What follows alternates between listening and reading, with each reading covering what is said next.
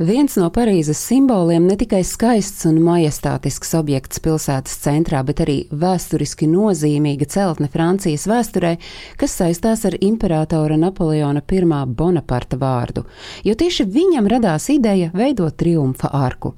Un, lai gan arku atklāja 1836. gada 29. jūlijā, Napoleons to jau bija iecerējis 1806. gadā, kad iepriekšējā gada nogalē imperators Kaujā kaujā pie Austerlicas bija sakāvis apvienoto Austrijas un Krievijas karaspēku.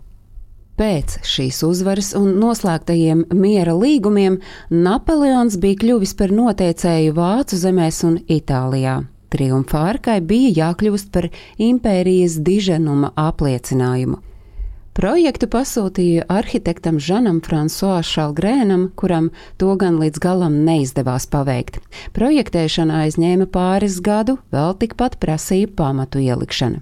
Kad triumfa arkas arhitekts aizgāja viņa saulē, 1811. gadā arka bija gandrīz pabeigta. Līdz tās plānotajam augstumam 50 metru pietrūka vien vēl aptuveni 5 metri. Šalgrēna darbu pārņēma un turpināja arhitekts Žants Nikolā Ijo, bet sākoties Napoleona impērijas norietam, būvdarbi apstājās pavisam. Vairākas desmitgades nenotika pilnīgi nekas. Rosība pie triumfa arkas atgriezās vien 19. gadsimta 30. gados, kad projekta īstenošanu uzraudzīja viens no tā laika zināmākajiem un ietekmīgākajiem franču politiķiem un zinātniekiem - Luīs Erikārs de Tirī. Beigu beigās, pēc 30 gadiem kopš triumfa arkas idejas rašanās, to atklāja. Tiesa pats idejas autors, imperators Napoleons Bonaparts, to nepiedzīvoja. Triumfa arkas atklāšanas brīdī gan pats Napoleons, gan viņa impērija jau piederēja vēsturei un mūžībai. Tā nu sanāca, ka triumfa arka, kas sākotnēji bija plānota kā vēsts par imperatora uzvarām, rezultātā atspoguļoja visu Pirmās impērijas laiku, sākot ar tās tapšanu bojāeju un valsts atgriešanos miera laikos. Zīmīgi, lai arī savas dzīves laikā imperators nepiedzīvoja ārkas pabeigšanu, 1840. gadā, kad Napoleona mirstīgās atliekas pārveda uz īsto atdusas vietu, ceļš veda cauri arkai. Pirmā pasaules kara beigās zem triumfa arkas izveidoja nezināmā kareivja kapu ar mūžīgo uguni, un tas bija pirmais šāda veida apbedījums, kas aizsāka līdzīgu kareivju piemiņas vietu tradīciju arī citviet pasaulē.